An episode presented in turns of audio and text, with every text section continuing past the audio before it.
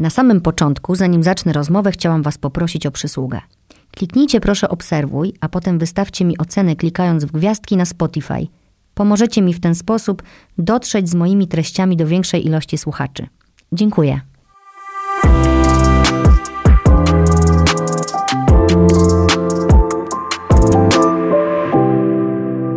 Bardzo długo nie wiedziałam, co to znaczy być dorosłą.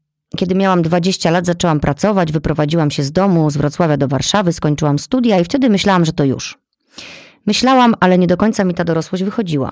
Wciąż czułam się bardzo pogubiona, wciąż bardzo poddatna na wpływ i opinie innych ludzi. Bardziej zastanawiałam się, co moje zachowanie wywoła u innych niż we mnie samej.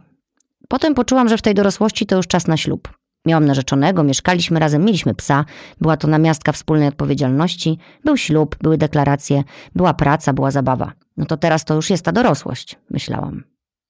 Kolejny etap to dziecko. No więc większe mieszkanie, a potem drugie dziecko i jeszcze większe mieszkanie dla rodziny, 2 plus 2 plus pies. Wszystko jak trzeba. Tak sobie wyobrażałam moje dorosłe życie i tak mój plan realizowałam. Wszystko po kolei, krok po kroku. Jednak przyszedł moment, kiedy z mężem u boku, dwójką maleńkich dzieci w naszym dużym mieszkaniu, poczułam, bo jeszcze nie do końca rozumiałam, ale czułam, że chyba mnie ktoś oszukał. Bo skoro spełniłam wszystkie kolejne kroki w moim dorosłym życiu i nie czuję, że mam nad nim jakąkolwiek kontrolę, że w tym moim domu jest jakby czworo przekrzykujących się i walczących o swoją rację dzieci, czworo dzieci, nie dwoje dorosłych i dwoje dzieci, nie. Że tej odpowiedzialności za te dzieci jest tyle, że ja nie jestem wcale na nią gotowa. Czy tak wygląda dorosłość, myślałam wtedy? Czułam się bardzo rozczarowana. I czułam się bardzo niewygodnie, nieswojo, nie sobą w tym wszystkim. Pełniłam owszem narzucone społecznie role, takie jak obserwowałam dookoła. Żona, matka, przedsiębiorczyni, ale nie czułam się za cholerę sobą. Nie czułam się szczęśliwa. Czułam się za to pogubiona, samotna, zaniedbana, potwornie oszukana i jak już mówiłam, rozczarowana. Nie jestem typem człowieka, który potrafi żyć bez miłości, bez spełnienia, bez poczucia głębszego sensu, bez zadawania pytań, bez zmiany zdania. I wtedy właśnie poczułam, że mimo tego, że zrealizowałam mój model rodziny, mój model dorosłości, to chcę zmienić zdanie. Chcę zacząć od nowa. Nie wiedziałam jeszcze jak, ale wiedziałam, byłam pewna, że nie chcę tak jak do tej pory. Zdecydowaliśmy się z moim ówczesnym mężem na rozwód. Chorowałam na depresję, nie wiedziałam tego jeszcze wtedy. Czułam, że jest źle, ale nie nazwałam tego i nie zawalczyłam o siebie. Nie miałam sił. Przyszedł na to czas nieco później. To doświadczenie też odmieniło moje życie na zawsze, bo pierwszy raz zawalczyłam o siebie dla siebie. Pamiętam taki moment w moim życiu, kiedy nie mogłam już nie słyszeć, nie mogłam dłużej udawać, że to nie o mnie i nie do mnie. To był głos, który mówił: Musisz wziąć odpowiedzialność za swoje życie, za siebie i swoje dzieci. Nie wiedziałam kompletnie o co chodzi, jak się to bierze tą odpowiedzialność. Poczułam natomiast, że ja muszę dorosnąć tam w środku. Przestać być kobietą, która wciąż oczekuje, że ktoś się zajmie moimi sprawami, że ktoś mi powie, co robić, że ktoś to wszystko ogarnie. Wszystko na zewnątrz oczywiście ogarniałam, ale w środku byłam jedną wielką kulą niepewności i lęku. Kulą braku wiary w siebie. Kulą, która się toczyła w nieznane. Dotarłam w terapii do momentu, kiedy padło stwierdzenie wewnętrzne dziecko. Od czasu, kiedy o nim usłyszałam, do momentu, kiedy je poczułam, kiedy się z nim skomunikowałam, też upłynęło wiele czasu. To po prostu przyszło pewnego dnia i było jak przebudzenie. Bolało. Ta prawda tak bolała, ta bezbronność wystawiona na powierzchnię mojego serca, uświadomiona prawda, nie było już odwrotu. Zaczęłam mój proces dorastania w wieku jakichś, nie wiem, 35 lat. Dziś mam 42 lata. Wiem, kim jestem, wiem, kim chcę być, wiem, że czasem mam prawo nie wiedzieć. Uznaję siebie taką, jaka jestem. Co nie znaczy, że nie chcę się rozwijać, że nie chcę się zmieniać. Rozwijam się każdego dnia. Zmieniam zdanie, rosnę i się kurczę. Jedno jest stałe i niezmienne. Wiem, czuję, że to ja kreuję swoją rzeczywistość. Panuję nad moim życiem i biorę odpowiedzialność za wybory, których dokonuję dla siebie i moich dzieci. Z pełną świadomością, że mogę popełnić błąd. Czuję się wolna. I bardzo bym chciała przekazać dziś Wam trochę tej wiedzy. Jak się tam idzie, gdzie się tego szuka. Dlatego z nieukrywaną radością przedstawiam Wam dziś moją gościnę, Mariannę Gierszewską, kobietę, mamę, żonę, autorkę, właścicielkę dwóch firm, aktywistkę i piękną duszę. Porozmawiam z nią dziś o tym, jak dorosnąć, będąc dorosłym. Witaj, Marianko. Witam cię serdecznie i dziękuję za zaproszenie. Cześć, kochana. Słuchaj, nie spodziewałam się, nie, nie powiem, że się nie spodziewałam. Bo właściwie e, wiedziałam, że dzisiaj się zadzieją różne niesamowite rzeczy, bo jest mi bardzo blisko do Twojej energii. Chciałam powiedzieć, że nie spodziewałam się, że napiszę taki felieton. No nie spodziewałam się właściwie. Po prostu usiadłam i poczułam, że to jest ten moment, żeby stanąć też w tej prawdzie, bo ja to kocham. E, kocham dzielić się moim doświadczeniem. Tak samo zresztą jak ty. Tak. Co niezwykle szanuję, bo wydaje mi się, że to jest y, najważniejsze, co można innym dać, kiedy dostaje się jakąś lekcję w życiu i się z niej wyciąga wnioski. Tak, ja też tak myślę. Też wiesz, um, wydaje mi się, że to wszystko, co się w moim życiu wydarzyło, takiego powiedzmy, mm, co świat może określiłby jako większe albo jakieś szczęście, tak, przyszło, czyli na przykład właśnie to, że mi się um, udało, że wypracowałam sobie drogę do tego, żeby powygrywać kilka e, większych castingów i rzeczywiście weszłam w ten zawód aktorski. Mm. Ten czas to moje przysłowiowe pięć minut. Ja wiedziałam, że ja bym chciała z tym zrobić coś więcej, że ja bym chciała wyjść do ludzi, dać im coś więcej. A wiedziałam też głęboko, że chciałabym się podzielić historią swojej choroby, swojej operacji, wyłonienia stomii. To było dla mnie um, no, jedyne takie doświadczenie w życiu tego, tego kalibru.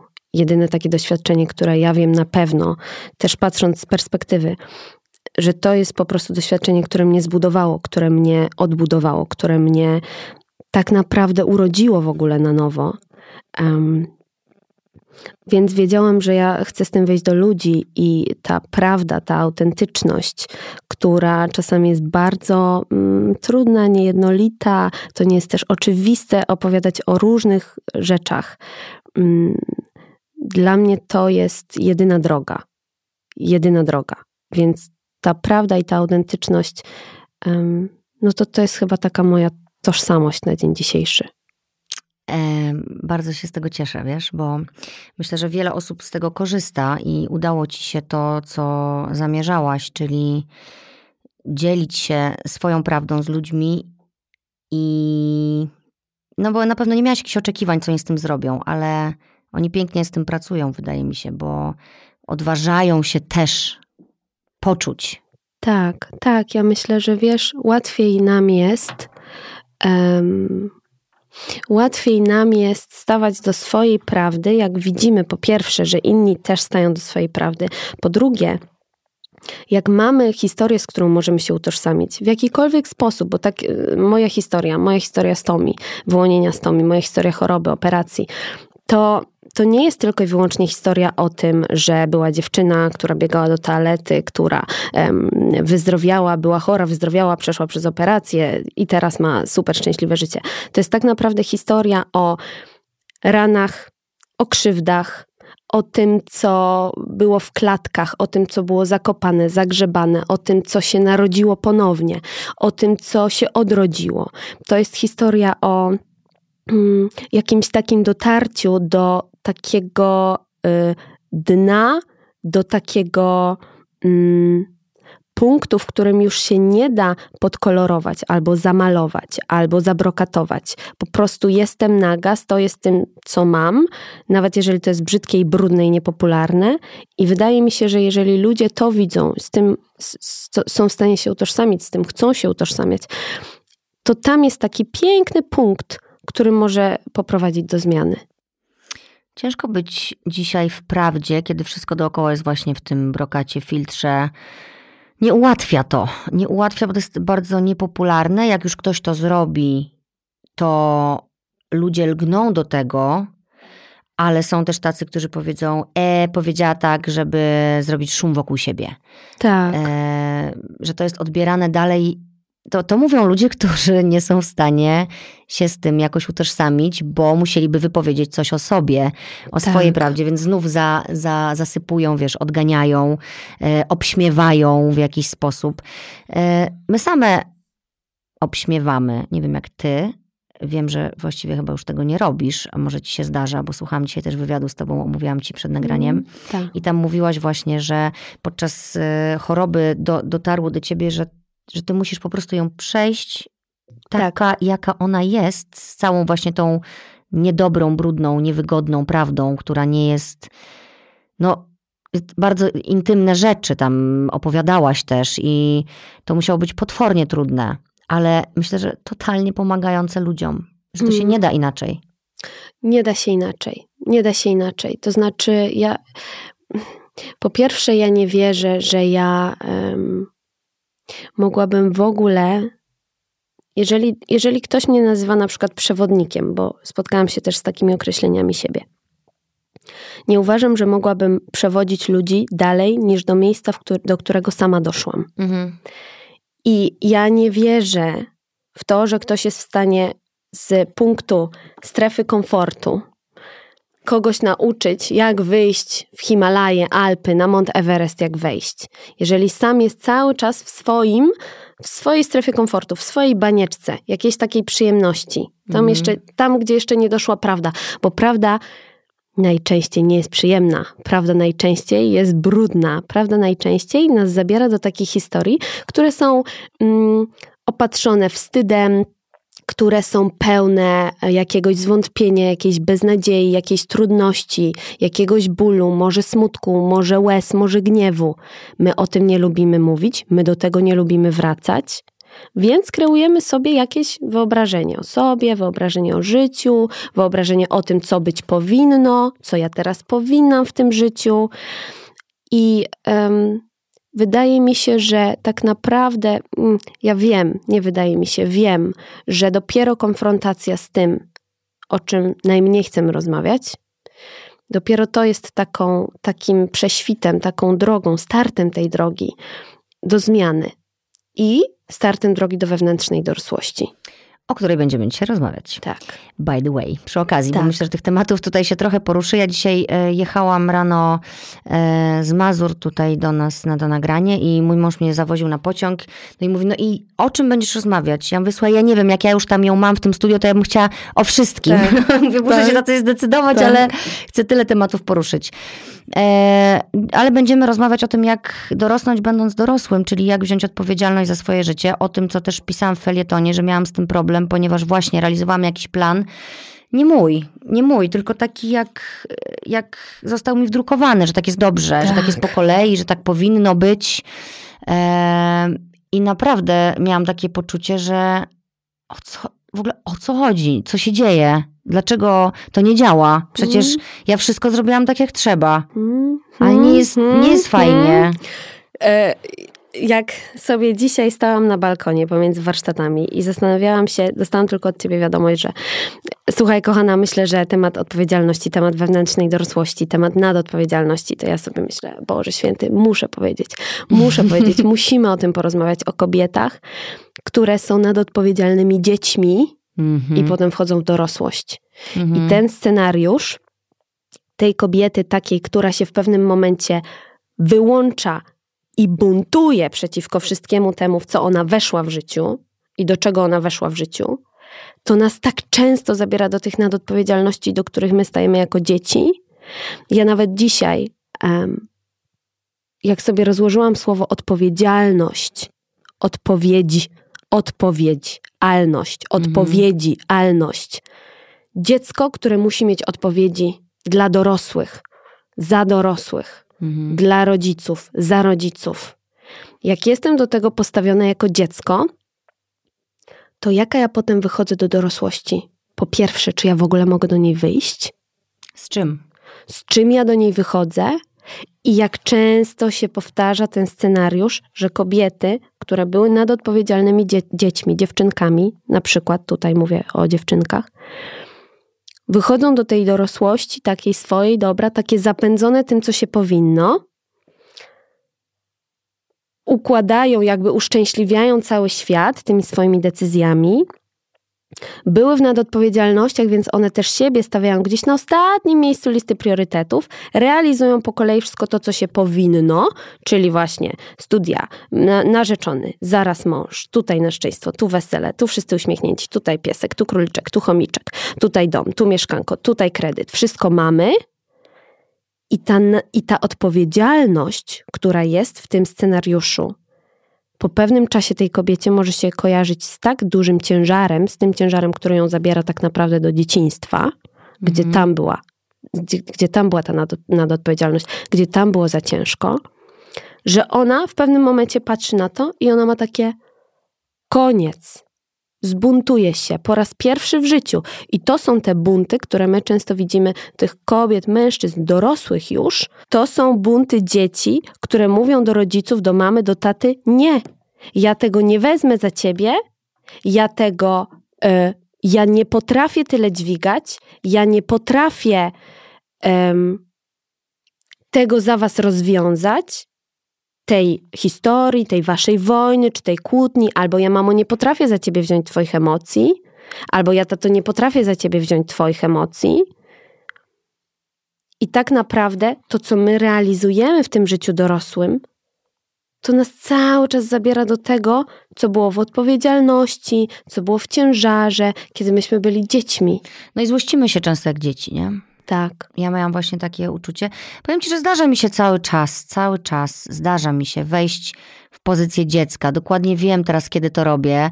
Już, e, już nawet nie złoszczę się na siebie, że to robię. Po prostu mówię, kurczę, znowu, znowu tam Tak. jestem, wyłapuję to i, i wracam. Jeśli się zachowam jakoś e, no, tak nieadekwatnie właśnie po dziecięcemu do jakiejś sytuacji, to, to, to przeproszę.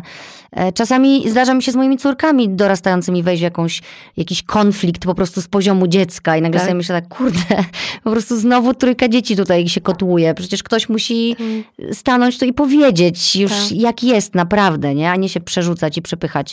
Jest to mega trudne.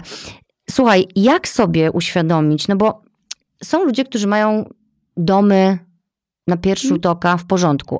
Albo ich rodzice całe życie im mówili, że to jest wszystko okej i normalne, to Tak. co oni w tych domach dostają. Tak. Więc jeśli nie sięgną po terapię, jeśli nie posłuchają innych ludzi, jeśli na przykład nie spotkają się w grupie, jeśli się nie skonfrontują z innymi, nie, nie czytają, nie, nie sprawdzają, to mogą całe życie w ogóle nie wiedzieć, że było coś nie tak. Tak. Czyli my musimy wziąć odpowiedzialność za swoje życie i się dokopywać? Czy możemy tak, czy wiesz, czy każdy znajdzie tą prawdę? Czy, to, czy każdy ma szansę w ogóle znaleźć tą prawdę? Wiesz co, w ogóle to a propos tego, co powiedziałaś, że czasami masz poczucie, że stoisz ze swoimi dziećmi i po prostu... Ja też to mam. Ja też czasami mówię jakieś zdanie i mam takie, o, ciekawe, ciekawe. Iluletnia Marianna to Mhm. powiedziała i do kogo ta Marianna to powiedziała? Ta świadomość, świadomość, czyli widzę, widzę. To jest dla nas możliwość zmiany, to jest dla nas możliwość zrobienia czegoś inaczej. Dopóki nie widzę, no to ja nie wiem, co mogę zrobić inaczej. Więc rozwijanie tej świadomości to jest dla nas niezwykle ważne. Czyli to jest to, od czego my się wszyscy e, uchylamy na prawo, na Mhm. lewo, e, bo się boję, bo tam się z czymś niewygodnym skonfrontuję, ale to jest super pytanie, co my mamy robić? Co to w ogóle, co my mamy robić do cholery, nie? To jest em, moim zdaniem przede wszystkim dwie prace są przed nami do wykonania zawsze. A może nawet trzy. Po pierwsze, temat wewnętrznego dziecka i wszystkich ran więzi, które tam były. Ran więzi mamy pięć, więc em, patrzymy sobie na wszystkie te rany więzi. To jest porzucenie, odrzucenie, upokorzenie, zdrada i niesprawiedliwość. Co się tam powydarzało? Ale słowa. No, upokorzenie, porzucenie, odrzucenie. My to znamy. My to znamy. Poczucie zdrady, że jestem zdradzonym dzieckiem. Na przykład, bo któryś z rodziców odszedł. Mhm. Poczucie niesprawiedliwości. Na przykład starsze rodzeństwo, które często jest po, powkła, powkładane w nadodpowiedzialność. Jesteś starszym rodzeństwem. Ile już w tym słowie jest. Mhm. Musisz Tak, się wykazać i się opiekować. Tak. Nawet kilka dni temu coś tam rozmawialiśmy z Miłoszem, em, no o drugiej ciąży, jakby to było, kiedy by to mogło być i coś. I tak patrzę na Ignacego i mówię, no to Ignacy byłbyś starszym bratem. I od razu się złapałam, że miałam takie, o Jezus, jakie to we mnie skojarzenie od razu y, y, wzbudziło. Starszy brat, czyli ten, który musi, całą listę rzeczy musi. Tak. I musi już się zachowywać inaczej, bo jest Tak. starszym bratem i musi dawać przykład. Tak. Nie? I już musi być Już doroślejszy. niesie jakiś tam swój plecak z powinnościami. Mm, I od razu powiedziałam do Ignacego, że, że yy, i nic więcej nie musisz. Tylko jesteś na metryczce starszym bratem, ale nic więcej nie musisz. Mhm. Mm, Więc pierwszym, pierwszym krokiem jest zdecydowanie popatrzenie sobie na te rany wewnętrznego dziecka. Drugim krokiem według mnie to jest powychodzenie ze współuzależnień. W których my jesteśmy. Śmieję się, gdyż jestem po czteroletniej terapii takiej dla współuzależnionych, która była totalnym cudem dla mnie i właśnie bycie w grupie i z różnymi ludźmi i zobaczenie, że wszyscy mamy coś i Tak. że wszyscy chcemy zrozumienia i miłości jako ludzie. Tak. E, to było niesamowite doświadczenie. Właśnie współuzależnienie, no, od, no, bo, bo ludziom to się kojarzy tylko z alkoholem, ale to tak nie, Nie. jest. Nie. Takie jest pierwsze Przecież skojarzenie, nie? My, szczerze, my jesteśmy w większości społeczeństwem współzależnionym. Mhm. Weź coś nakreśl, tak żeby komuś coś piknęło na przykład. Współzależnienie, czyli wchodzimy w cudze problemy, ratujemy ludzi. No lepiej wejść w cudze niż w swoje. No, jasne. Ratujemy ludzi. E, doradzamy, wiemy lepiej, jesteśmy ciotki dobre rady, martwimy się o innych, jakby im to cokolwiek miało pomóc, zmienić, dać. Martwimy się. Boże, ja się tak o ciebie martwię. Oczywiście to cię też pięknie oddala od swojego życia. Mhm. My tkwimy społecznie we współuzależnieniu. Ba, my gloryfikujemy współuzależnienie. Jak ktoś komuś pomaga za wszelką Empatyczny. cenę. Empatyczny. Kurde, tak. No, szlachetne. Szlachetny. Jak ktoś stawia cały świat ponad siebie. No pięknie się poświęca, pokazuje, że może, pokazuje, że wszystko jest możliwe, że da się wszystko, tak? My to gloryfikujemy, my to oklas oklaskujemy społecznie. No i potem ci nagle mówią, że to jest złe. Tak. No można zwariować, nie? Powiedzieć sobie, jak, jak to? Ktoś mnie tutaj w coś chce wkręcić, nie? Może to jakaś sekta. ale to współzależnienie dla nas wszystkich właściwie zaczyna się przy mamie, Mhm. bo my wszyscy mamy taki odruch i to są odruchy automatyczne. To nie tak, że my sobie wymyślamy jako dzieci. Mamy automatyczny odruch, żeby ratować mamę, pocieszać mamę, być przy mamie. My jesteśmy tak skupieni, my tak dużo widzimy jako dzieci i my od razu reagujemy. Czy na przykład zaśmiejemy sytuację, Tak. czy będziemy niegrzeczni, czy na przykład się walniemy, rąbniemy głową w coś, żeby mamę Odwrócić jakoś uwagę. odwrócić uwagę Tak. albo ją rozbudzić. My mamy taki ruch w sobie reanimowania ludzi. Tak, niedosłowny e, oczywiście, tylko po prostu taki emocjonalny. My badamy, badamy, badamy. Ja to określam mm, takim e, słowem, że mamy czułki skierowane na zewnątrz. I większość z nas to ma.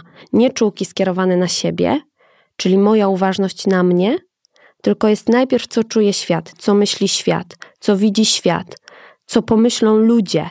Och, co ludzie pomyślą i powiedzą, ale w ogóle co ludzie pomyślą. Czy my tak ciągle myślimy, co ludzie pomyślą, a oni myślą, co my pomyślimy i tak sobie wszyscy Tak. myślimy, nikt nic nie myśli o sobie, Tak. tylko o Tak. tym, co ktoś o nim pomyśli, nie? Tak, To, jakie to jest, jakie to budzi, jaki to budzi lęk, nie? tak, I całe życie jesteśmy też straszeni tym, że ale wstyd, co ludzie powiedzą. tak, tak, tak. I to są wszystko. Widzisz, ale to też jest takie, to też jest wynikające częściowo z tego, że mnie nie ma w sobie, czyli jestem w każdym innym. Mhm. Jestem w, W ilu możesz głowie. być? W ilu możesz być? Nieskończenie wielu. Pamiętam, jak miałam kiedyś, e, jak robiłam kiedyś urodziny, ile ja miałam gości. Mm. Boże, ile ja miałam gości, ile miałam przyjaciół, Mm. przyjaciółek, wszystkie przyjaciółki. Teraz mam garstkę. Tak, Nie jestem właśnie we wszystkich. tak, I jak przestałam być we wszystkich, to oni przestali być we mnie. tak. Dopiero zobaczyłam, że to ja dbałam o to wszystko, to ja Tak. zagarniałam to stado, nie? Do Tak. siebie, żeby czuć ich, a nie siebie. I ile my lat, ile my czasu, ile my energii potrafimy poświęcić na to, żeby zaopiekować się, uratować wszystkich dookoła siebie. Siebie porzucamy. My siebie porzucamy. Notorycznie. I ta praca ze współuzależnieniem, ja też przeszłam wielotygodniową terapię, kurs mm, pracy ze współuzależnionym w- własnym dzieckiem wewnętrznym. Boże, wewnętrzne dziecko może być współuzależnione również. Tak. Biedne dziecko. No, A jak to, jak to, jak to? my już na etapie życia prenatalnego, i to już powstało naprawdę dużo badań w tym temacie, woda przewodzi emocje, Mhm. wody płodowe. Woda, mama coś czuje, przez wody płodowe dziecko to czuje. Dziecko bierze na siebie, co się da, żeby mamę odciążyć. Już na etapie życia prenatalnego, życia płodowego. My już we współzależnieniu możemy być Zanim pierwszy dzień życia, zanim się urodzimy, tak. I ja myśląc o mojej historii, mojego dzieciństwa, ja widzę, ile ja tam brałam na siebie. Ja mam tego świadomość. Mam to już tak wypracowane i przepracowane, że wszystkie trudne emocje, które były z tym związane, czyli złość, poczucie niesprawiedliwości, poczucie jakiegoś braku, pustki, że ktoś mi nie dał tak, jak powinien mi był dać na przykład. Mhm. Ja już to mam poukładane i teraz ja już mam taki duży spokój w sobie widzenia tego, jakie to było, że inne być nie mogło, a każdy rodzic zawsze przychodzi z tym, co ma. To jest, y, to jest śmieszne, jak ludzie mówią, moja mama powinna była to, to, to, to, mój to, to, to, to, to, to, to. No jeżeli dysponujesz kanapką z żółtym serem, to choćby za, za, za przeproszeniem skały srały, no nie wytrzaśniesz spaghetti bolognese. Mhm. Jeżeli rodzic dysponuje kanapką z żółtym serem, przez takie, a nie inne okoliczności jego własnego dzieciństwa, wszystko jedno, to on ci nie da spaghetti bolognese.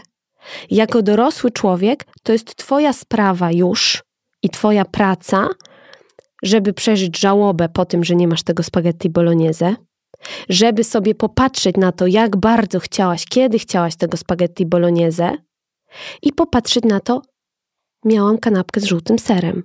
I co, możesz sobie sama to spaghetti dać? Zawsze. No właśnie, bo my, mam wrażenie w ogóle, że kobiety, głównie kobiety, ale może to nie jest prawda, ale ja mówię o swoich obserwacjach tylko i Tak. wyłącznie, że kobiety bardzo często właśnie liczą na to, że ktoś weźmie odpowiedzialność za ich życie, że ktoś to ogarnie, nie? że nie chcą dorastać. Tak. E, zostały wychowane na przykład w patriarchalnym domu, e, patriarchalnym domu, gdzie ojciec był jakąś ważną taką personą, która przynosiła do domu pieniądze i było, wiesz, no kiedyś to była taka świętość, nie? Ojciec Tak. zmęczony przyszedł cicho, Tak, bo teraz będzie odpoczywał. tak. I córeczki tam, wiesz, bawiły się cichutko w kącie, żeby ojca nie zdenerwować, bo on przecież ważną misję spełnił, poszedł, wrócił Tak. z pracy. No i zakładają swoje domy i wchodzą dokładnie w tą samą rolę, wykonują tą pracę nieodpłatną w domu, Mhm. e, której jest, jak sama wiesz, w cholerę, Mhm. która jest niedoceniana, a wręcz niezauważana Tak. i żyją w poczuciu niesprawiedliwości i w, i w jakimś takim, dlaczego mnie to spotyka, dlaczego mi się nie udało, ale nie wiedzą może, że mogą to zmienić. Ja bym chciała, żeby to dzisiaj tak wybrzmiało. Mm. Wiesz, bo ja też w tym byłam, że obwiniałam cały świat za to, że mi się nie udało, zazdrościłam innym ich sukcesów. Boże, jakie to było wygodne. Tak się oblać tą zazdrością, tak i właśnie Tak. pomyśleć sobie, a tej się udało, bo na pewno jej ktoś załatwił, albo Tak. się z kimś może przespała na Tak. pewno i, i teraz tam jest w tej telewizji na przykład, nie? A ta to na pewno coś tam. No wiadomo, jak bogaty to nakradł i tak dalej, nie? Mhm. Mm, Jakie to jest wygodne, to jest, w ogóle to jest trutka, to jest taka trutka, trutka, ale my sobie tą Tak. trutkę tak sypiemy, zjadamy, sypiemy, zjadamy Tak. sami. Ale dobra wiadomość jest taka, że możemy się sami również zabrać za porządki i to po prostu zatrzymać, nie? Tak. Pierwsze porządki, jakie my sobie, jakie po, powinniśmy sobie, czy możemy, czy może warto, o, zacząć sobie ustanawiać, to jest przede wszystkim poszukanie tego, co ja odtwarzam. Czym jest moje życie w tym momencie? Co ja tym swoim życiem realizuję? Przecież najczęściej to są e, skrypty i schematy jeden do jednego, takie jakie widziałyśmy w domu. I jeszcze wychodząc z tego domu mówiłyśmy sobie, ja nigdy taka nie będę. Na Im przykład jak bardziej moja sobie matka. tak powtarzamy, tym bardziej się związujemy. Albo będę miała faceta, który będzie coś tam, a szukamy sobie kopitaty, nie? Tak, tak. Tak naprawdę to jest dwustronne. Z jednej strony jest mama bardzo pracująca w naszym partnerstwie, chociaż to jest niepopularna teoria. A weź coś powiedz, Ym. dwa zdania. Mama jest tą pierwszą, która jest nam tak bliska. Mhm. Mama nas nosi 9 miesięcy pod sercem, mama nas rodzi, z nią przeżywamy e, dokończoną lub niedokończoną traumę okołoporodową. Ona jest tą pierwszą. Ona nas potem karmi piersią, czy nie karmi, jest blisko nas. Z nią mamy ten pierwszy taki Najbliższy zapis, kontakt, Tak. nie? I też pierwszy wzorzec bliskości, fizyczności, miłości, tego, co znaczy być. To jest mama.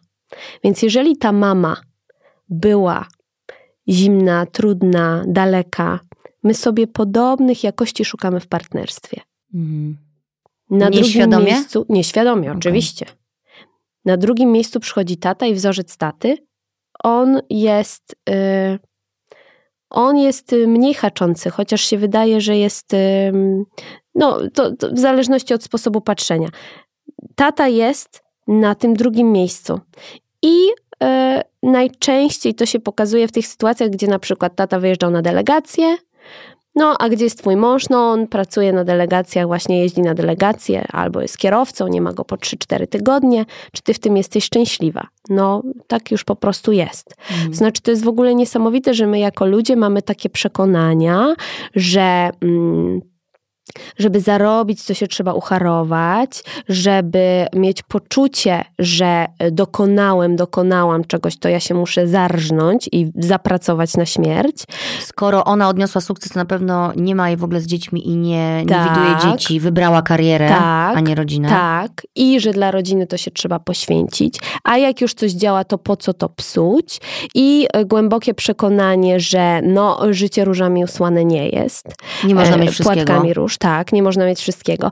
Więc badajmy, i to jest wielka praca, bo my tych przekonań mamy setki i tysiące. I tych, które pracują w nas pokoleniowo, i tych, które pracują u nas e, przez taki, a nie inny dom, i tych, które pracują w nas, bo takie były nasze doświadczenia i takie przekonania sobie zapisałyśmy w sobie i zapisaliśmy. E, badajmy swoje przekonania. I przede wszystkim, dlaczego my, i to też jest kolejne pytanie, dlaczego my się zgadzamy na niewygody? Mhm. Często mamy z tego jakieś korzyści. Oczywiście my sobie tych korzyści sami nie wymieniamy, nie, nie, nie, jest, jakby nie, nie mamy takiego, takiej odwagi często, żeby sobie powiedzieć, kurde, jakie ja mam korzyści z tego na przykład, powiem teraz ze swojego doświadczenia, jakie ja miałam korzyści z tego, że chorowałam. Mhm. Miałam korzyści, oczywiście, że miałam. No powiedz. Moją główną korzyścią było to, na początku choroby, że godziłam rodziców, bo byli w takiej sytuacji, że musieli ze sobą gadać, Mhm. a byli po rozwodzie. Byli w takiej sytuacji, Miałaś na miastkę, że oni są razem, miałam nie? na miastkę, że są razem, bo przecież w, szpi- w szpitalu siedzieli koło siebie. Mhm. Miałam więcej uwagi i od mamy, i od tego taty nieobecnego, którego nie było. Mhm. Miałam poczucie, że świat się o mnie troszczy, że świat się o mnie martwi. Oczy, uszy, wszystko było na mnie. Byłaś ważna. Byłam ważna. Każdy z nas ma korzyści wtórne. My lubimy problemy, bo one nam też dużo przynoszą. Uśmiechnęłam się, bo sobie przypomniałam, teraz przyszło do mnie, że jak byłam mała, to strasznie chciałam mieć rękę albo nogę w gipsie. O, tak. Marzyłam o tym i sobie nigdy nic cholera nie złamałam, żeby właśnie wszyscy się o mnie martwili. Tak, I żebym Tak. była taka właśnie w centrum uwagi, nie? bo gdzie ja jestem głodna Mm. i gdzie ja byłam głodna? Przy nas tyle rzeczy pracuje, tyle dynamik przy nas pracuje. My wybieramy tego nie widzieć. Wybieramy tego nie widzieć. I jak ktoś na przykład mówi, że był już u dziesięciu terapeutów, u dziesięciu specjalistów, no nic tu nie pomaga, no takie jest to moje życie straszne. Czemu chcesz być ofiarą? Mhm. Czemu chcesz być ofiarą swojego życia? Bo to my wybieramy, czy jesteśmy ofiarami, czy mamy sprawczość w tym życiu. Gdzie jest ten moment, wiesz, żeby, żeby to... Bo, jak, to... bo to trzeba poczuć, bo to ci każdy może powiedzieć, ale to Tak. ty musisz zrobić, podjąć decyzję, że ty Tak. teraz chcesz to poczuć i musisz, musisz, musisz, musisz, to słowo też jest super. Ale chyba musisz. no nie ma wyboru, no musisz wziąć odpowiedzialność i porozmawiać ze sobą. Tak, Przede wszystkim. Właśnie, wiesz, bo my często nie wiemy, jak, skąd my mamy przekonania, jakie mamy przekonania, w ogóle się nie zastanawiamy nad tym. Napieprzamy te 8 godzin do przodu, to, tego, po kolei, o Jezu, to jeszcze te ziemniaki, to, dobra, pranie zrobione, dobra, padamy na, na kanapę, no to sobie odpalę serialik, puh, Tak. dobra, o, koniec. Do tak. jutra. I, od, i, I tak i zagłuszamy, nie? A jak się zdenerwujemy, no to dobra, no to z, z, nie wiem, straciłam pracę zamiast, no wiadomo, że trzeba opłakać też, nie? Każdą rzecz. No ale dobra, to się napiję butelkę wina, coś tam zrobię tego, Tak. wkurzę się na cały świat, ale dalej nie masz kontaktu ze sobą. tak. My się nie lubimy w ogóle spotykać ze sobą, ale chcemy mieć dobre życie. No tak. i co, Marianka, da się? No da się, da się, tylko widzisz, to jest jedna Dajmy jedyna nadzieję rzecz. jakąś. To jest jedna jedyna rzecz.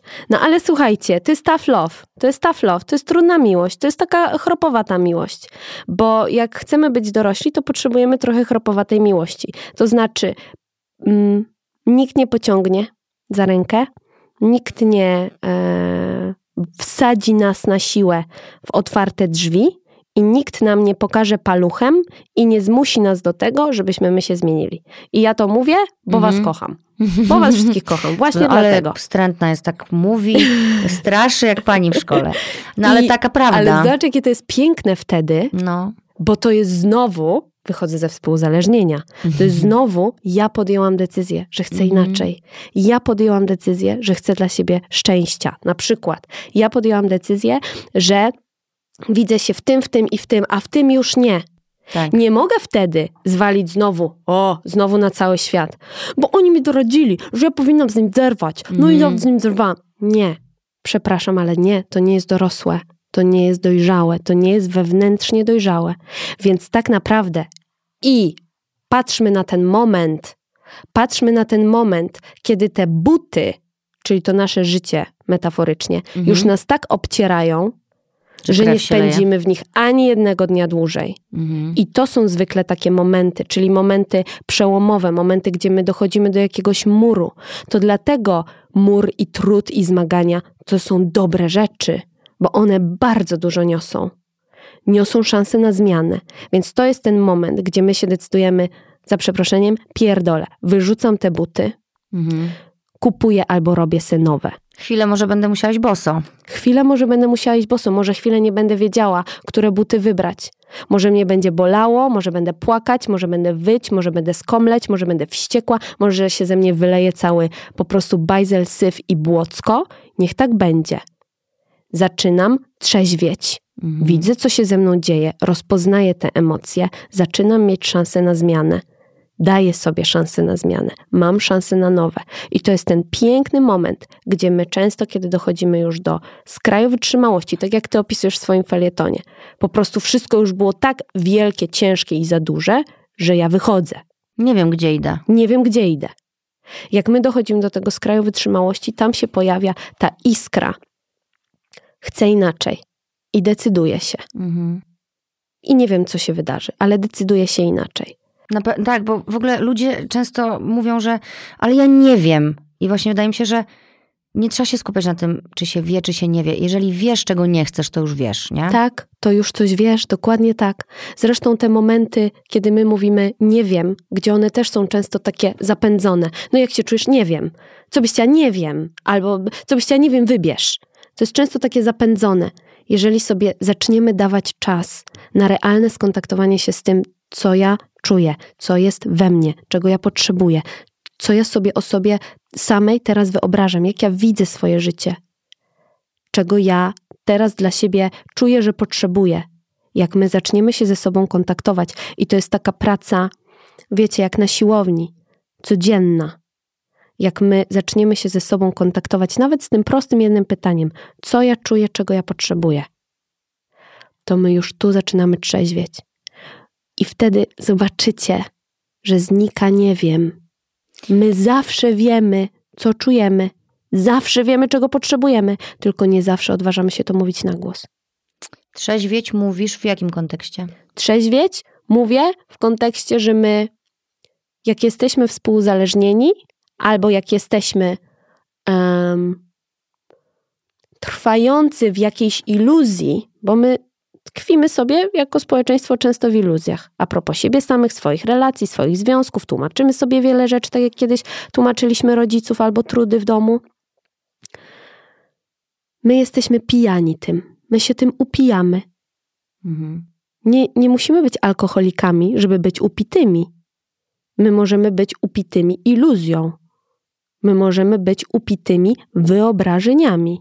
Mhm. My możemy być, być upici wszystkim tym, co my sobie sami kreujemy i w co wierzymy, chociaż to jest nieprawda. Jak zaczynamy sobie mówić pierwsze prawdy o sobie, na przykład, nie chcę tam jechać z tobą. Nie musisz wiedzieć na razie nic więcej. Mhm. Na przykład, nie chcę tam jechać z tobą. Nagle trzeźwiejemy. Ja to ostatnio pisałam w jakimś swoim poście czy pod filmikiem, że bierzemy głębszy wdech, prostujemy się, oczy się otwierają. Okej, powiedziałam to sobie na głos. Teraz zobaczę, co się zadzieje. To jest często ważniejsze, żeby to nawet powiedzieć sobie, niż tej drugiej osobie, nie? Tak, tak, Bo jeżeli ty to powiesz na głos i to poczujesz, to już jesteś w domku. tak, Ten jeden krok bliżej, nie? tak. No właśnie, a propos jeszcze pijaństwa, mm, nie tego dosłownego, tylko tego właśnie, o którym mówisz. E, nie chcemy przeżywać emocji, tylko właśnie je również zapijamy, zajadamy, zaśmiewamy, zaseksowujemy, Tak. e, za co jeszcze robimy? Zakupujemy, Tak, zagłuszamy. tak. W skrócie. E, Dlaczego my się tak bardzo. No właściwie boimy, ale wydaje mi się, że boimy się nieznanego, bo my nie potrafimy przeżywać emocji. Czy to jest stąd, że w domu zawsze było, jak dziecko było niegrzeczne, Mm. też lubię to słowo, Mm. czyli przeżywało jakieś emocje, Mm. to miało zakaz, nie? Miało zakaz. I było niegrzeczne, było, było klasyfikowane jako niegrzeczne, Tak. czyli nie zachowujące się zgodnie z jakąś normą panującą ogólnie, ogólno przyjętą. Tak, tak. Nie przeżywamy emocji, bo był zakaz przeżywania. No nie smuć się. No nie smuć się. No co Czego beczysz? beczysz? No. Tak, tak, tak. No. Bo był zakaz przeżywania emocji. Nic się nie stało. Nic się nie stało. Dziecko Przestań się przejmować, się nie przejmuj wywaliło. się. Nic się nie stało, nie? A Boże, zobacz, że to jest walczę. automatyczne. To jest nie? odruch, jest wiem. odruch. I ja czasami, wiesz, wiem, że ktoś to mówi w dobrej wierze Tak, do mojego dziecka, żeby Tak. jakoś się ukoić. tak. Ale to tak nie działa i my musimy głośno to mówić. No. Że to jest nieuznawanie tego, że dla niego się właśnie stało. Tak, Czy dla mojej 13-letniej córki, jak przyjdzie z jakąś aferą ze szkoły, która dla mnie jest po prostu, mhm. jak jej powiem, że się nic nie stało, no to to jest najgorsze, co mogę zrobić. Bo Tak. dla niej właśnie się wali świat. tak. Ten jej świat. Albo na przykład jesteś silna. Albo bądź silna. Albo wytrzymasz. Ty zawsze wytrzymujesz. Albo e, jesteś odważna. No to moje pytanie jest, a co jeśli ja w tym momencie się nie czuję odważna? Co jeśli ja w tym momencie się nie czuję silna? Co jeśli ja w tym momencie się nie, nie czuję, mm, em, że dam radę, albo nie jestem pełna nadziei? Mhm. Zobacz, jakie to jest dać przyzwolenie na wszystkie części siebie. A jak w takim razie, no, jak chcesz do dziecka, do przyjaciółki, do partnera, Zapliftować. no, co zrobić? Co, no, widzisz, że, że on potrzebuje jakiegoś pocieszenia, wsparcia, nie potrafi tego nazwać, sypie się, no to, to tylko uznać to, że tak się czuje, to jest pierwszy krok? To jest w ogóle, to jest to uznać, to jest w ogóle wielki szacunek i ogromna miłość. To jest tak naprawdę miłość. Ja to tak postrzegam, tego się też uczyłam. Mm, Że ta empatia i miłość potrafią, naprawdę potrafią siedzieć w ciszy, obok, po prostu, towarzyszyć. Już nie, nie musimy, bo mamy ten, ten pęd, żeby zagadać, żeby coś tu, kurde, Wszystko żeby, wyjaśnić tak, teraz. wyjaśnijmy to. Znajdźmy rozwiązanie. To, znajdźmy Teraz. rozwiązanie. To się uda.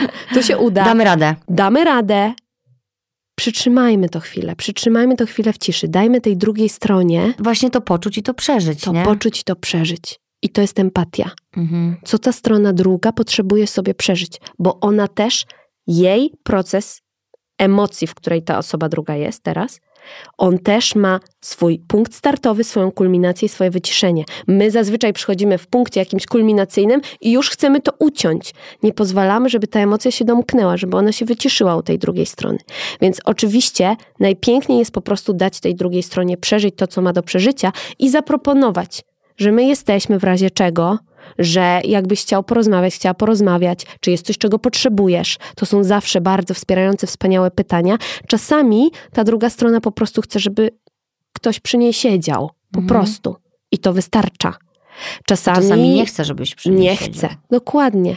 Więc to już jest takie pierwsze, piękne, takie po prostu bycie, co jest też paradoksalne. Jak my zostawiamy drugiego człowieka, nie zostawiamy, porzucamy, ale zostawiamy, czyli pozwalamy mu przeżyć jego, to bardzo często po drugiej stronie wtedy się rodzi siła.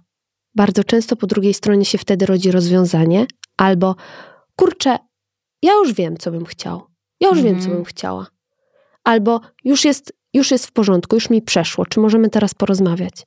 Bo my nie zabieramy mocy tej drugiej stronie. Nie, nie umniejszamy, nie bagatelizujemy, nie infantylizujemy i nie zabieramy mocy, czyli nie mówimy, no słuchaj, no już, już, to rozwiążmy razem, tak? Zróbmy coś z tym razem. Czyli zabieramy wtedy Tą sprawczość. tą sprawczość i tę część, która rozkwita w tym momencie w tej Mhm. osobie. Może jakieś przemyślenie, może jakaś refleksja, może jakaś potrzeba, może jakaś niezgoda, to teraz kwitnie. Czemu my sobie dajemy prawo tak często? To uciąć. Zdanie, jesteś silna, to też jest ucięcie. Boimy się. Boimy No, się, że jemu tak. będzie przykro albo jej, a my chcemy ją uratować właśnie teraz, bo Tak. my mamy w sobie tyle tej empatii dla świata i dla ratowania, że my musimy to po prostu, muszę, bo się uduszę, nie? My jesteśmy wszyscy, wszyscy praktycznie na dzień dobry byliśmy ratownikami w taki, w taki czy inny sposób, w takich czy innych okolicznościach. I my na dobrą sprawę, większość z nas powinna nosić po prostu kamizelki z napisem SOR. I my, i my naprawdę wypracowujemy w sobie taką energię i takie y, pokłady, tak naprawdę wydaje nam się, że mamy wypracowane takie pokłady energii, żeby pomagać całemu światu. Co się okazuje? Wytrącamy się wtedy ze swojego życia, nie ma miejsca i siły i energii na nas. I to jest to, co bardzo często dotyczy matek. One, oprócz tych dzieci, ok, one ratują cały świat. Mhm. Potem przychodzą dzieci, ja pierdzielę, jestem zmęczona, jestem zła, jestem sfrustrowana, bo poszłam dzisiaj podbić cały świat, uratować cały świat, A nie ma miejsca na mnie nie mnie. prosił, Tak, żebym tam szła. tak, Ale ja sama, z Tak. dobrego serca tak, poszłam. tak. Ja, jakie są oznaki tej dorosłości? Po czym się pokapować, że jednak się jest dorosłym? Jeśli się oczywiście nie walnęło głową w mur i już człowiek e, się boleśnie nie przekonał, Tak. ale no bo może słuchają nas teraz ludzie, którzy właśnie sobie chcą zrobić taki rachunek sumienia, to ja jestem dorosła czy nie jestem? Hmm. To jakie są takie, wiesz, oznaki tego, że bierzemy odpowiedzialność za swoje życie? No właśnie, przede wszystkim bierzemy odpowiedzialność, czyli nie jesteśmy e, typem, który wytyka palcem zawsze i wszędzie na zewnątrz, bo on, bo ona, mm, dorosły człowiek mm, uporał się już z raną niesprawiedliwości. Czyli nie ma czegoś takiego jak niesprawiedliwość. A Ojej. jeżeli jest Gdzie, coś a takiego jak jest? niesprawiedliwość, jest. jeżeli jest coś takiego jak niesprawiedliwość, to tak naprawdę pytanie tutaj jest wtedy o granice. Mhm. No bo jeżeli my utykamy w czymś takim, i zobacz też, ile ludzi na to energii na przykład e, marnuje, żeby psioczyć na politykę przez dwie, trzy, cztery godziny, na przykład przy stole rodzinnym. Tak. I jest ta wielka niesprawiedliwość. No i co z tym dalej? Oprócz tego, że wytraciliśmy tyle energii. Co z tym dalej? Mhm. Czyli dorosły człowiek widzi swoją sprawczość. Co ja mogę? Co ja w tym mogę?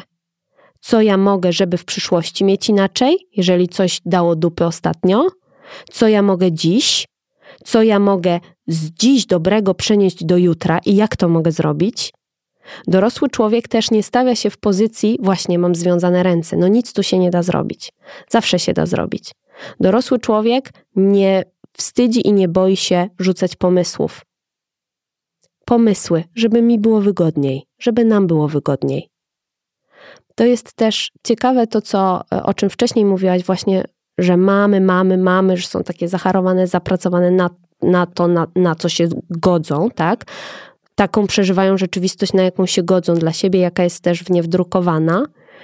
Mm, ale to jest bardzo ciekawe, bo jak ja pracuję z kobietami i na przykład pracuję z mężczyznami i widzę dwie strony medalu, to często jest tak, że mężczyzna się czuje niewidziany i kobieta się czuje niewidziana. Mhm. I to jest trochę takie, jakby jedno gadało po francusku, drugie gadało po hiszpańsku.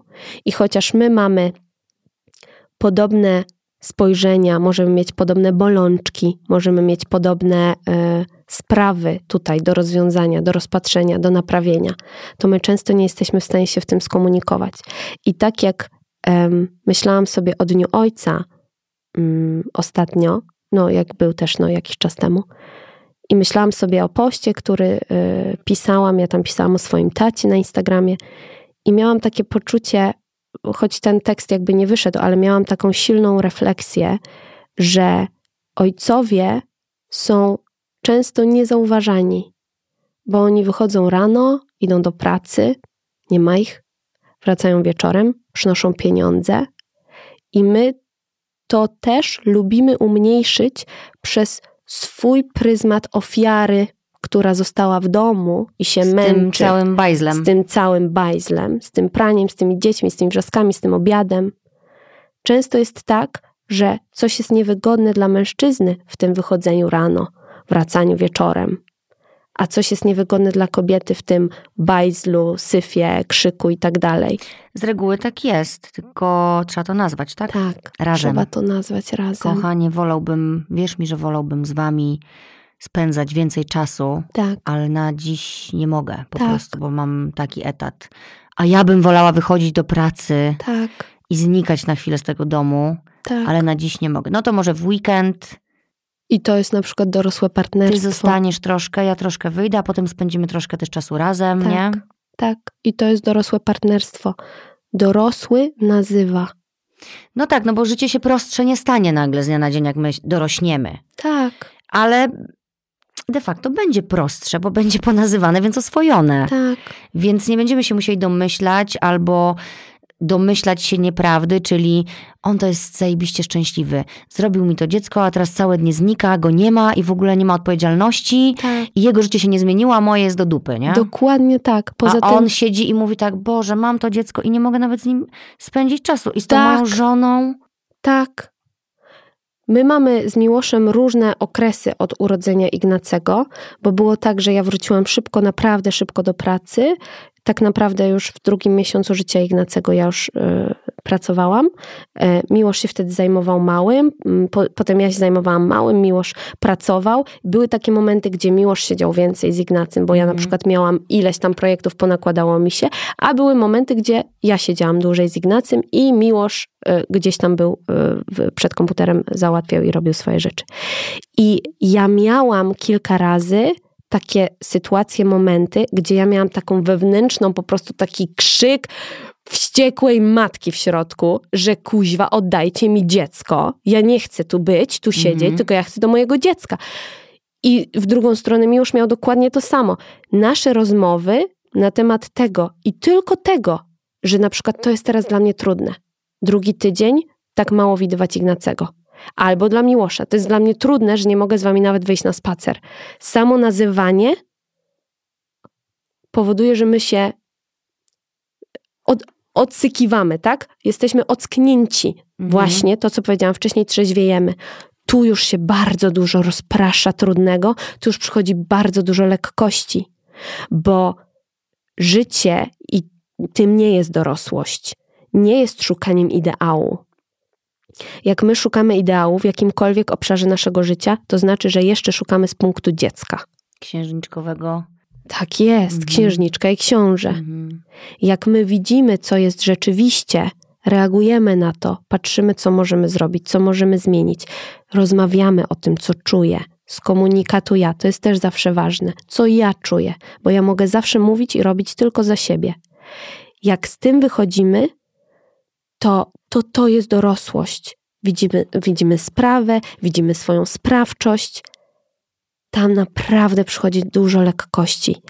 I i to, co pracuje też przy tych kobietach i przy tych mężczyznach, co przed chwilą powiedziałyśmy, że, że są te kobiety, które tak przy tym domu, domu, domu, domu i są ci mężczyźni, którzy znikają, to są też pewne echa tego, co pracowało przy naszych prababciach, przy naszych babciach, gdzie kobiety zostawały same, a mężczyźni szli na wojny. I to jest, to w nas pracuje.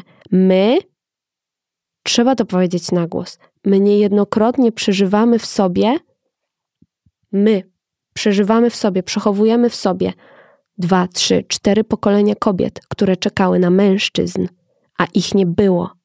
A mężczyźni wycięci, bo wojna. Mężczyźni, z drugiej strony patrząc, odwracamy Mhm. monetę, przeżywają to samo, tylko po drugiej stronie. Oni nie mieli ojców, oni nie mieli dziadków często, oni nie mieli pradziadków, bo ich wycięło. Jaki jest wzo- wzorzec męski, jak nie ma męskiego? Znikam, odcinam się, uciekam w coś. Mhm. Przecież to są, jak my Dlatego mówię, że świadomość, widzenie tak dużo przynosi, bo jak my widzimy już te wzorce, tę układankę, te puzzle nam się zaczynają kleić, to my widzimy, co my realizujemy tym swoim życiem. Okej, okay. Boże, to jest taka dynamika, to są takie mechanizmy. Przecież my możemy inaczej. Możemy w ogóle razem chcemy inaczej, tylko nawet o tym nie wiemy. Głowa mi zaraz odpadnie od tego kiwania. Mnie tu nie widać, ale ja tu Myślałam, siedzę i kiwam słucha, głową. Nie? Kiwam głową po prostu jak taki piesek na tylnej szybie. Mam cheerleader. Niesamowite.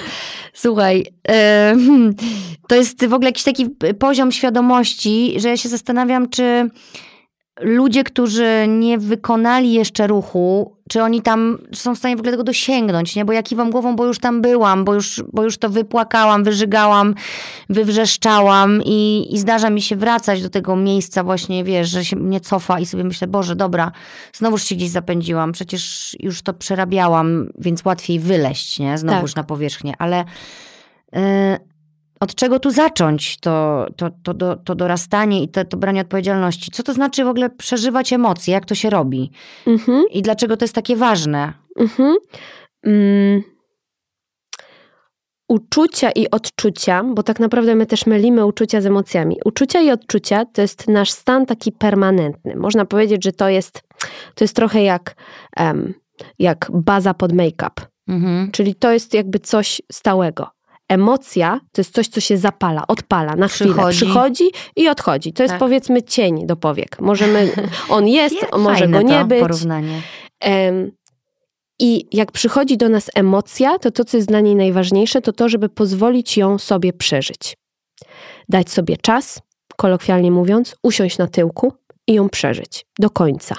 Nie zapędzić jej telewizją, alkoholem, muzyczką, Instagramem czy innym, inną formą social mediów, e, pogadaniem z przyjaciółką szybko gdzieś na kawę lecę na miasto, e, kupię sobie coś na, w, w internecie, żeby mi na jutro przyszło.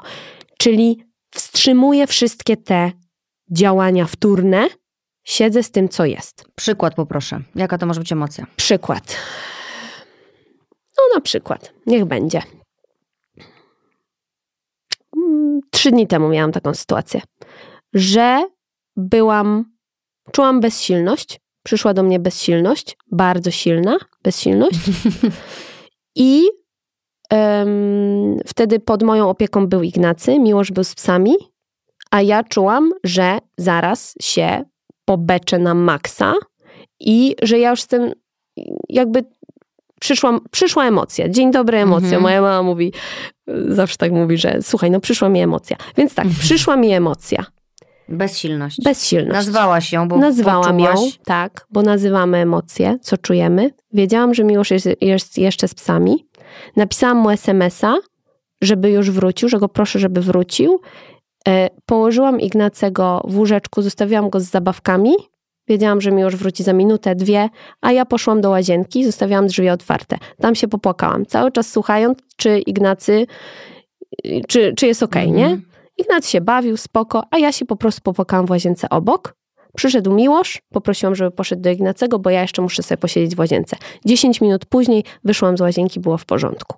Bo to była moja bezsilność, ona nie dotyczyła, ona dotyczyła mnie. Zresztą nasze emocje najczęściej dotyczą nas i tego, co nasze. E, i to jest przykład z życia wzięty, czyli tworzy okoliczności. Znów mm. nie mówię, o nie, no bo ja miałam dziecko pod opieką, to ja się nie mogłam sobą zająć. No, no nie. Co mogłaś jeszcze zrobić inaczej? E, nie, nie wiem, jak to powiedzieć, źle, e, niedobrze? Gdybym się z tym nie konfrontowała, mm. to bym po prostu trzymała Ignacego na rękach, pozwalałabym mu, żeby jadł moje emocje, moją emocję E, wstrzymywałabym, zasupływałabym gardło, wstrzymywałabym łzy, po czym jakby miłość wrócił, to albo bym już była zła, i byś powiedziała, dlaczego tak długo tak, cię nie było? dlaczego tak długo cię nie było? Nie wiesz, że u mnie jest to i tamto. Że ja jestem właśnie tak? bezsilna do tak. Albo bym w ogóle już, już yy, po prostu, wiesz, napiła się wody, przejdźmy do porządku Rozchodziła. dziennego. To się rozchodzi, dokładnie. Mm. To się Czyli rozchodzi. rozchodzenie nie jest dobre, bo to nie jest przeżywanie. Nie ma rozchodzenia. Nie ma rozchodzenia. Rozchodzenie nam te emocje y, odkłada po prostu. Upycha gdzieś tam. Upycha nie? gdzieś. Czasami to wyjdzie przez ciało, czasami to wyjdzie przez um, um, nieadekwatną reakcję do czegoś kolejnego, do jakiejś mini kłótni, do jakiegoś, nie wiem, nastąpnięcia na zabawkę, nie? To jest wyjątkowy, mm, to jest wyjątkowa umiejętność, żeby na przykład wkurzać się na maksa na odpowiednią osobę w odpowiednim czasie, bo my bardzo często po prostu przenosimy albo to, czego nie przeżyliśmy wcześniej, albo jakieś swoje własne historie przenosimy na daną sytuację, na konkretną osobę. No i dzień dobry, awanturo. Mhm. I my to wszyscy mamy przecież. Oj, mamy, mamy, mamy, sama mam. No dobra, a jak ci nagle przychodzi bo te emocje się też lubią tak przenikać, nie? Tak. Że przychodzi ci na przykład bezsilność, a ty to właśnie obracasz w złość. To wynika tak. z tego, że nie dałaś tej bezsilności wybrzmieć. wybrzmieć. Często tak. Często mhm. to już się wtedy zamienia w emocję wtórną. To ja mam albo... chyba z tym jeszcze problem, teraz mi się tak wydaje, że ja właśnie nie zatrzymuję w pewnym momencie, tylko wiesz, gdzieś tam jeszcze polecę i potem się zmagam już z kompletnie czymś innym. 15 minut za późno, nie? No. To jest to. Tak, tak, tak. To wtedy nadal możemy się zatrzymać z tym, co jest i nawet fajne na początku przynajmniej jest rozpisywanie sobie. Czyli co czuję w tym momencie, ok, niech to będzie złość, zapisuję złość, siedzę sobie z tym i badam, czy coś jest pod spodem, z czego jest zbudowana ta góra lodowa. I może w ciągu minuty, dwóch, trzech przyjdzie do mnie, jak zaczynam z tym siedzieć, jak zaczynam też myśleć o tym, co się ze mną dzieje, może o sytuacji, może o jakiejś osobie, to zaczynam odkrywać, że mi jest smutno. Mi jest smutno, na przykład. A po tym na przykład jest dopiero bezsilność. I docieramy, że pierwotna była ta bezsilność. I to poczucie na przykład, że nie wiem, że nie mogę, że, że nie mam wpływu albo że nie mam siły, tak? Po prostu, po prostu beznadzieja jakaś, bezsilność do mnie przyszła. Um, więc te emocje wtórne my też jesteśmy w stanie sobie odkrywać. Um, po prostu trzeba przy tym siedzieć i z tym siedzieć. My też te emocje wtórne y, y, mamy te, te zagłuszacze swoje właśnie wtórne, bo też na przykład w domu milej widziany był płacz niż złość. Więc my nie czujemy złości, ale na przykład zamiast złości my płaczemy. Są też ludzie, którzy nigdy nie płakali. Tak. Albo płakali tak. pierwszy raz w wieku 40 lat. Tak, tak. Też miałam jakiś problem z płaczem, bo miałam tak właśnie, że słyszałam, no i co, teraz się pobeczysz? No i przestałam beczyć, nie? I Wiesz, be, beczałam sobie na przykład pod prysznicem. Tak. Żeby mi nikt nie słyszał, bo, tak. miałam poczucie wstydu, że, że tak. płakanie jest niedobre, nie? Tak. Wiesz, kiedy ja mm, przestałam na chwilę umieć płakać? No. Przez miesiąc chyba nie płakałam. Wróciłam z Ignacym ze szpitala, w, w którym byłam przez trzy dni sama i to było trudne. Mm, Miłosz w ogóle nie mógł wejść, no bo wiadomo, pandemia, e, wszystko. Mm, I ja wróciłam do domu. Tak się rozryczałam do Miłosza, że to było dla mnie trudne, mhm. że mamy wspaniałego synka, bo ja byłam bardzo szczęśliwa, ale to był mój moment, że ja to muszę wszystko upuścić, no bo przy Ignacym tam w szpitalu, no to, to, nie, były, to nie były warunki. O, mm -hmm. to była przytrzymana emocja. To mm -hmm. była mhm. przytrzymana emocja. Trzy dni i ona ze mnie wybuchła. Mm. I Później od tego płaczu ja miałam taki miesiąc, że ja byłam. Ja, ja, coś mnie wzruszało. Ja w ogóle nie, ja nie mogłam płakać. Naprawdę po urodzeniu dziecka? Tak. Z reguły wtedy kobiety płaczą tak. na, wiesz, tak. widok reklamy, tak. wiesz, Coca-Coli, no, czy czegoś. I uwaga teraz. Co, a co to było? Co ci tak co zamroziło? Właśnie. No dzień dobry. No. Dzień dobry, widzenie, tak. Mm. Moja mama po urodzeniu mojej siostry, potem mnie, mm, miała bardzo dużo pracy, bo musiała mieć, bo było bardzo krucho z pieniędzmi. Dwójka rodziców, aktorów, lata 90., nikt na etacie, ratuj się kto może generalnie. Mm, I moja mama opowiadała mi niejednokrotnie, że ona musiała zacisnąć zęby. Totalnie zacisnąć zęby. I ja przez te pierwsze miesiące tak naprawdę byłam pod opieką dziadków. Zresztą nawet i dłużej niż przez pierwsze miesiące. Pod opieką rodziców mamy. E, a moja siostra, rok starsza, jeździła z rodzicami na próby do teatrów różne, mhm. więc ja tak naprawdę byłam sama. I jak ja zaczęłam sobie po tych dwóch, trzech tygodniach tak sobie siedzieć z tym, dlaczego ja nie mogę płakać teraz? Co tu się dzieje? Tak silnie do mnie przyszła, bo to było w takiej medytacji, wizualizacji, robiłam ćwiczenie. Mm, tak silnie do mnie przyszła ta mama, która musiała po prostu robić, robić, robić, robić, robić, robić, zapieprzać. Nie ma czasu, żeby pomyśleć o tym, bo nie było czasu, nie było takiej okoliczności przestrzeni, żeby pomyśleć o tym, że moje dziecko, dwu, trzy, czteromiesięczne, nie jest przy mnie. Mhm. Tylko trzeba było się trzymać.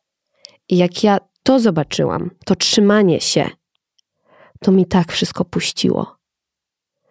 Więc ale to widzenie. Kurczę, skąd ta świadomość? Wiesz, no ty masz świadomość, ale jak kobiety mogą się doprowadzić do jakiegoś naprawdę złego stanu, nie wiedząc, co się z nimi dzieje, nie? No. Czyli co, trzeba pytać, trzeba się dowiadywać, jaka jest twoja historia? To ma tak często wpływ?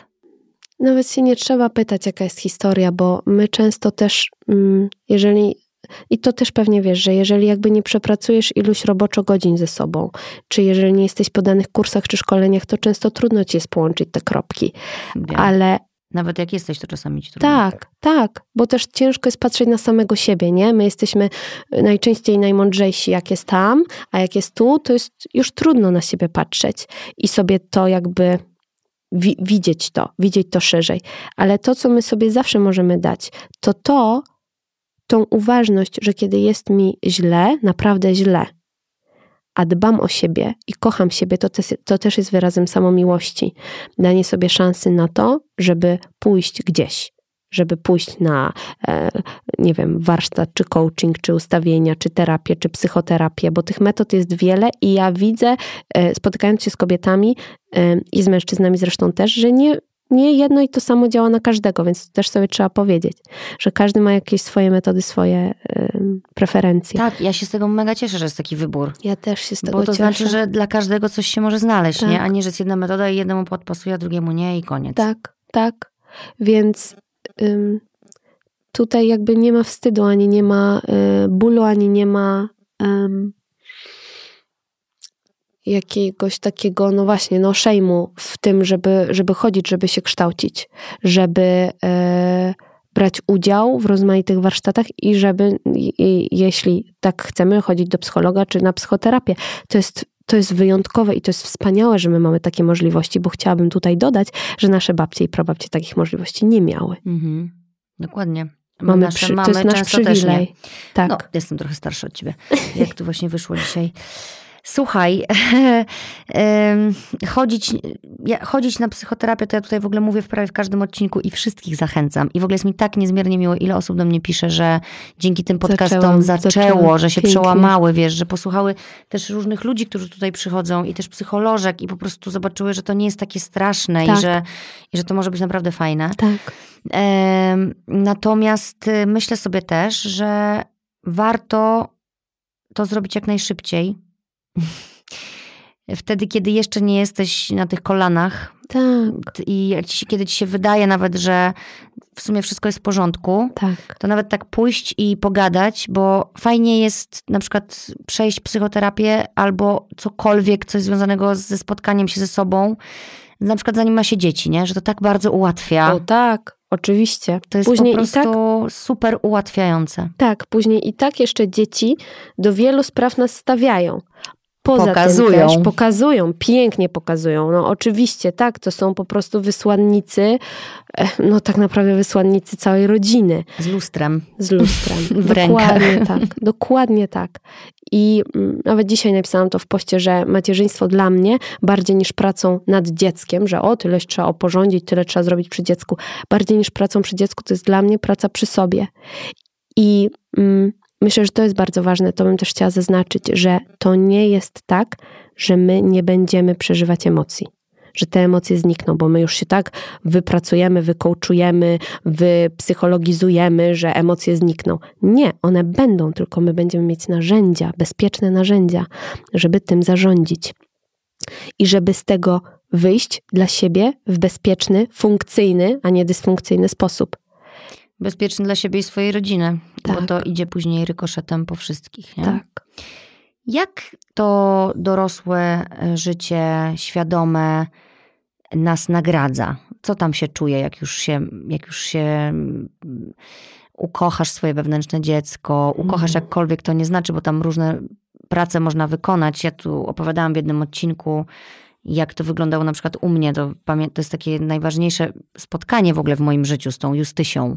tak. Jak ja ją spotkałam, to, było, to naprawdę było niesamowite i wtedy dopiero mogłam stanąć przed moimi dziećmi jako mama, nie? Tak. I, i na przykład nie bać się stawiać zdrowych granic, tak. bo kiedyś nie potrafiłam stawiać zdrowych granic, tylko właśnie z poziomu dziecka, które nagle sobie wymyśliło, że czegoś zabroni, to Mm. robiłam, nie? I nie, średnio to działało, co było dosyć frustrujące.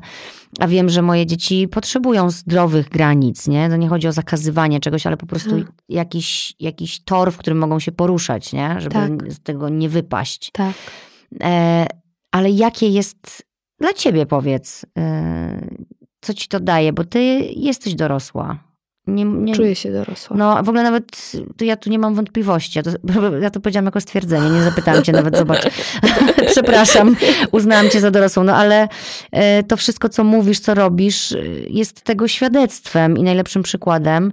Jako pierwszą taką cechę, którą ja widzę i w, jak cię obserwuję i patrzę, jak, co mówisz, w jaki sposób to, to jest spokój, wydaje mi się Mm. który rozumiem, że nie zawsze też jest u ciebie, nie? Bo do mnie też ludzie piszą, Boże, jaka pani jest spokojna. Ja bywam spokojna i bywam wkurwiona i Tak. bywam rozzłoszczona, Tak. rozsmucona, rozżalona, rozkażda. Tak, tak. To chyba też o tym, nie? Tak. To jest w ogóle super, co powiedziałaś, bo po pierwsze to jest takie, że my wszyscy mamy części siebie.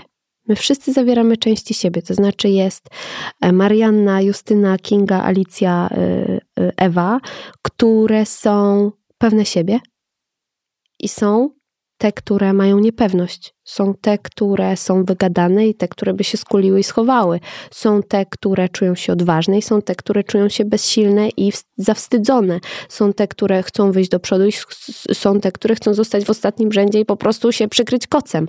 My wszystkie te części w sobie zawieramy. Tutaj też chętnie Wam zostawię takie ćwiczenie. Zapiszcie sobie na kartkach różne części siebie, jakie zawieracie. To mogą być części siebie, które są skrajne nawet, tak? Tak na przykład jak pewność siebie i mm, niepewność. Zobaczcie, ile Wy części siebie zawieracie. Może się okazać, że jak rozłożycie te części siebie, te kartki obok siebie, to że cała podłoga jest zapełniona. Tyle jest mnie, tyle jest mnie różnej. Popatrzcie sobie na te części siebie, pooddychajcie sobie tym, co czytacie na tych kartkach i zobaczcie, na ile macie zgodę, żeby uznać całość. Uuu. Ale wymień na przykład pięć części siebie. Mnie? no na przykład siebie albo przykładowe. Nie, nie Mhm. muszą być o tobie. Pięć części siebie przykładowych. No na przykład pewność siebie, niepewność. Mm, strach i brawura. Mm, seksapil, wstyd. Czemu tak skrajnie? Bo my naprawdę takie części siebie zawieramy. Okej. Mogą to być w ogóle nieskrajne części siebie. Może się okazać, że mam więcej tego, albo mam więcej tego, ale często jak my nie wypisujemy tego, co nieupudrowane, nieprzypudrowane i brzydkie, to po prostu często się jeszcze z tym nie chcemy skonfrontować. Ja zawieram w sobie wstyd i niepewność i brak spokoju. Zawieram w sobie em, jakąś taką może czasami, nie wiem, beznadzieję, zawieram w sobie mm, czasami chęć, że nie chcę, mm, żeby ludzie na mnie patrzyli. Ja to wszystko też w sobie zawieram, tylko ja to asymiluję. Nie mam z tym problemu. Nie mam problemu, żeby powiedzieć o tym na głos. I jak sobie popatrzcie na te wszystkie części siebie, Zobaczycie, czy uznajecie je wszystkie, bo tutaj często nam się włącza, mm, ja się naprawię. Mhm. To jest złe, to jest złe, to jest złe i ocena. No właśnie, ocena mi się też się to włączyło, jak ty włącza. powiedziałaś Tak. o tych y, skrajnościach od razu, że no dobra, no to może to się da jakoś coś z tym zrobić, nie? No właśnie. Ale one zawsze w nas będą, Tak, tylko im bardziej je dam, damy im akceptację, to nie będą tak, Tak. wywalać może z taką siłą, Tak. tak? To jest o tym? tak, teraz Okej. tak. Wszystko, czego my nienawidzimy, nieważne czy to jest nasza cecha, czy to jest były partner, wszystko, czego nienawidzimy, z tym się związujemy. Mhm. I tak jak na przykład nienawidzimy byłego partnera i ta nienawiść nas bardzo mocno, bardzo mocno trzyma, bardzo mocno, to nie mamy miejsca na nowe partnerstwo. Albo w nowym partnerze widzimy nagle cechy byłego, bo on w nas cały czas żyje. W ogóle noszenie, noszenie odrazy, urazy do kogoś i kroczenie sobie przez życie z tym ma taką energię, że cię to będzie tylko wyniszczać, nie? Tak. Wypalać. A ludzie tak to pielęgnują, tak, Tak. podlewają, tak. Tak. pielą te grządki. Tak. Jakby od tego zależało ich życie, nie? Bo to czasami trzyma przy życiu albo trzyma żywo relację, o której my na głowę mówimy, że chcemy, żeby umarła, ale ona nam jeszcze coś daje. To, że ja na przykład mogę zadzwonić do swojego byłego i go opieprzyć, że jest złym ojcem. O, coś mi to nadal daje. Coś Okej. mi to daje. Mogę się tam wyżyć, mogę tam Mogę wyżyć się tam wyżyć. Em, jestem tam lepsza, bo jestem lepszą matką niż ty ojcem. Mhm. E, znajduję tam jeszcze coś dla siebie. Coś tam jeszcze, to bez oceny, ale coś tam jeszcze dla siebie znajduję. I dokładnie tak samo jest z tymi częściami siebie, które widzimy na tych kartkach, których nienawidzimy. To one nam tym mocniej w życiu wybijają, tym silniejsze się dla nas stają, tym bardziej jaskrawe one dla nas są, bo ich nienawidzimy, bo je chcemy wyciąć. Im mniejsza asymilacja cienia, tym ten cień bardziej wrzeszczy i daje o sobie znać. E, Finałem tego ćwiczenia jest pokłon przed wszystkimi częściami siebie, przed wszystkimi kartkami i zdanie przyjmuje się w całości. Tu się różne, różne emocje uwalniają. Mhm. Można płakać, bo może to jest trudne się zobaczyć w całości. Tak jak trudne jest dla nas zobaczyć się nago niejednokrotnie i po prostu patrzeć. Bo my chcemy ulepszać i naprawiać. Mhm. Mamy ten rys w sobie. No tak. Nie wiem. Nie wiem, co, nie wiem, co jeszcze. Nie wiem, co dalej. Eee... Jak zaczynałyśmy dzisiaj, to ci mówiłam, że mam jakiś taki smutek w sobie, nie? Tak. I dzisiaj taki jakiś mam dzień i właśnie kiedyś bym udawała, że tego nie ma, Mm, a dzisiaj wypowiedziałam to na głos, jak ty przyszłaś. tak. I to jest właśnie też chyba uznanie, nie? Tego, że tak się czuję, co nie znaczy, że nie jestem profesjonalnie przygotowana do nagrania mojego podcastu, no bo przychodzę do pracy ze smutkiem, Tak, który tak naprawdę nie wiem jeszcze skąd do mnie zawitał i, tak. i ciekawa jestem tego, co, co, co, co ta emocja mi dzisiaj chce powiedzieć, bo może to, że właśnie wyjechałam, bo, bo dzisiaj Mm. przyjechałam z wakacji, gdzie zostawiłam rodzinę i przyjechałam do domu i poczułam się zajebiście, Tak, ale może jedna część mnie tam została na przykład, nie? tak, tak. Może zawieram w sobie ekscytację, że nagrywam podcast i tęsknotę. Tak. I okej. Zakończ jakoś Marianka za mnie dzisiaj. To ja mogę zakończyć tym, że cieszę się ogromnie, że tu jestem, ale ty też wiesz, na przykład powiedziałaś, spokój w tobie jest, a też jak tu przyszłam, początek miałam zestresowany i tak sobie myślę, kurde, co ja tu w ogóle będę mówić, jak tu weszłam? Czy ja mam w ogóle cokolwiek do powiedzenia? Nie wiem. I też sobie na to daję przyzwolenie. Jakie to jest, jak my dojrzewamy, dojrzewamy. Zobaczcie, jakie to jest słowo. Rozbieramy dzisiaj słowa na części pierwsze, tak jak Mhm. odpowiedzialność. Dojrzewanie, czyli widzę, widzę, dojrzewam. I ja myślę, że ta dorosłość to jest widzenie. Widzenie tego, co miałam i nie miałam jako dziecko. Wszystkiego, czego nie dostałam i wszystko, co dostałam. Widzenie siebie taką, jaką jestem dziś. Widzenie swoich potrzeb. Reagowanie na swoje potrzeby. Widzenie wszystko, czego chcę i wszystko, czego nie chcę. widzenie wszystko, wszystkiego tego, do czego jeszcze nie stanęłam i widzenie wszystkiego tego, do czego już stanęłam. My się tej dorosłości uczymy całe życie, ale my się z nią w pewnym miejscu i momencie jesteśmy w stanie zakotwiczyć. W tej dorosłości jesteśmy się w stanie zakotwiczyć. Ja z całego serca Wam życzę tego dojrzewania, tego doroślenia, znajdowania tej swojej wewnętrznej dorosłości i wszystkich swoich części. I życzę Wam tego, żebyście, jeśli jest taka potrzeba, żebyście sobie obtarli te nogi, zobaczyli, że te stopy są biedne, że można inaczej, że można mieć wygodne buty i żebyście wyszli do zmiany wtedy, kiedy będziecie gotowi. Ta gotowość, to ona tak naprawdę jest paliwem. Bo tak to by nam się nie chciało. Jaka tu motywacja? Jak jestem gotowa, to wtedy mi się chce inaczej. Gotowość się czuje? Gotowość się czuje. Och, tak. Tak. Dziękuję Ci bardzo. Głos mi się łamie. Jest we mnie jakiś dzisiaj smuteczek, ale pobędę Przyjmujemy sobie, go. przyjmujemy Tak. go e, i pobędę sobie z nim. Bardzo Ci, Marynka, dziękuję za, za Twoją prawdę i za to, że się tym dzielisz i, i za to, że, nie wiem, płynie od Ciebie coś takiego, że mnie to po prostu dotyka tak do żywego. I myślę, że ta rozmowa jest zupełnie inna niż wszystkie, które do tej pory tutaj nagrałam. I też czuję za to wdzięczność, bo to oznacza, że jest jeszcze tyle nieodkrytych różnych obszarów, które Mm. możemy dotknąć i, i poruszyć. I ja się z tego bardzo cieszę. Dziękuję. Bardzo Ci dziękuję. Dzięki. Bardzo dziękuję za wysłuchanie rozmowy. Przypominam się jeszcze z obserwacją i wystawieniem oceny. To zajmie Wam 3 sekundy, a dla mnie znaczy bardzo wiele. Dziękuję i do usłyszenia za tydzień.